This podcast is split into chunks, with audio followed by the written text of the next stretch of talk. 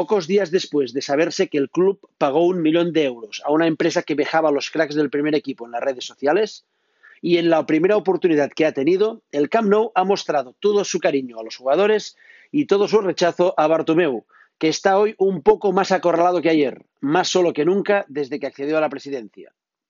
Visto lo visto y leído lo leído estos últimos días, diría que a Bartu le queda en mundo deportivo la grada de animación y, se supone, Sandro Rossell, que no es poco. De hecho, fue suficiente para opar a Sandro a la presidencia y casi casi para desalojar a la porta con una moción de, de censura semanas antes de la irrupción del mejor Barça de la historia. Cuidado con lo rematadamente mal que lo ha tenido que hacer Josep María Bartomeu para que ni el gran aparato que ha dominado los últimos 40 años en el Barça le garantice ahora mismo poder acabar el mandato.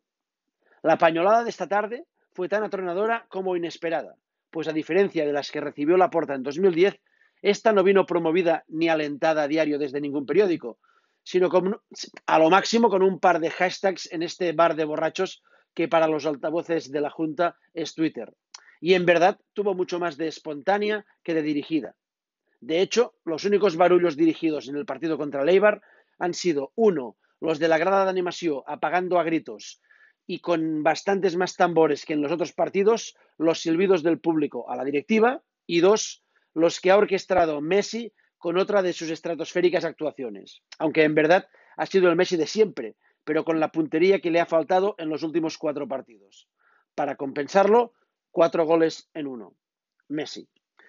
Necesita Bartu más que nunca las exhibiciones de Leo para in intentar una remontada parecida a la de 2015, cuando pasó de tener una intención de voto del 17% en febrero por el 51% de la porta a arrasar en las elecciones tras el, triplete que consiguió Leo con la ayuda de Luisito y de Neymar.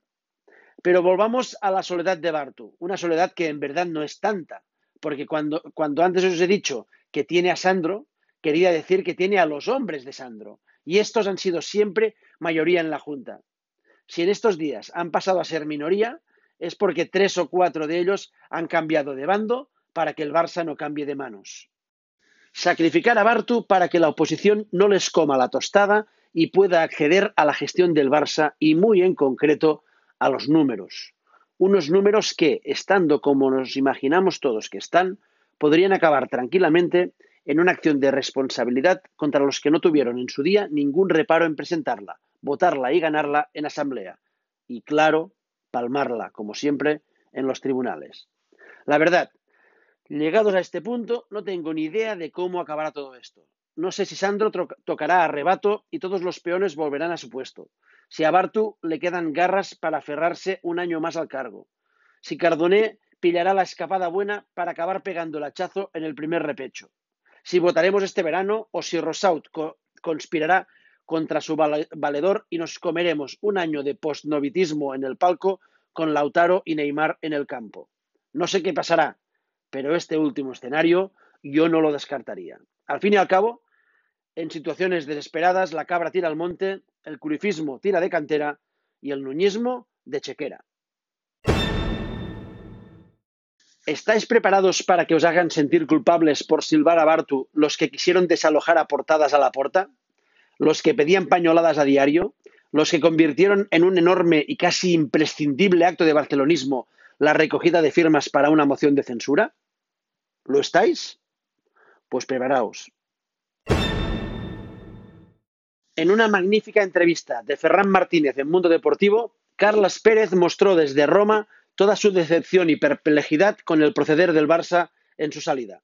No entiende el canterano que le hayan dejado sin su sueño cuando las cosas mejor le funcionaban en lo deportivo.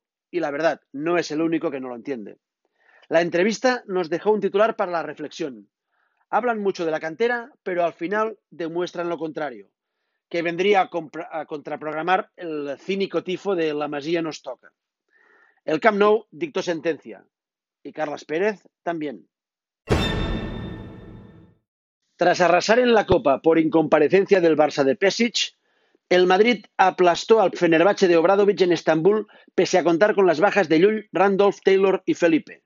Ni falta que le hicieron. Debutó Nakic y se salió Garuba en el Madrid campeón de todo, en el que Lasso sigue dando a los canteranos las oportunidades para demostrar si valen o si no valen. Los dos últimos que, que las tuvieron en el Barça ya se han retirado y Volmaro no vuelo un minuto pese a estar en el puesto 22 de las previsiones para el próximo draft de la NBA. Cuando Bartu os vuelva a contar que las reglas han cambiado, que todo es ahora más complicado y que Europa es la cantera de la NBA, le contestáis que mientras el Barça sigue sin ganar enriqueciendo a veteranos, el Madrid sigue ganando subiendo a jóvenes y con las reglas cambiadas.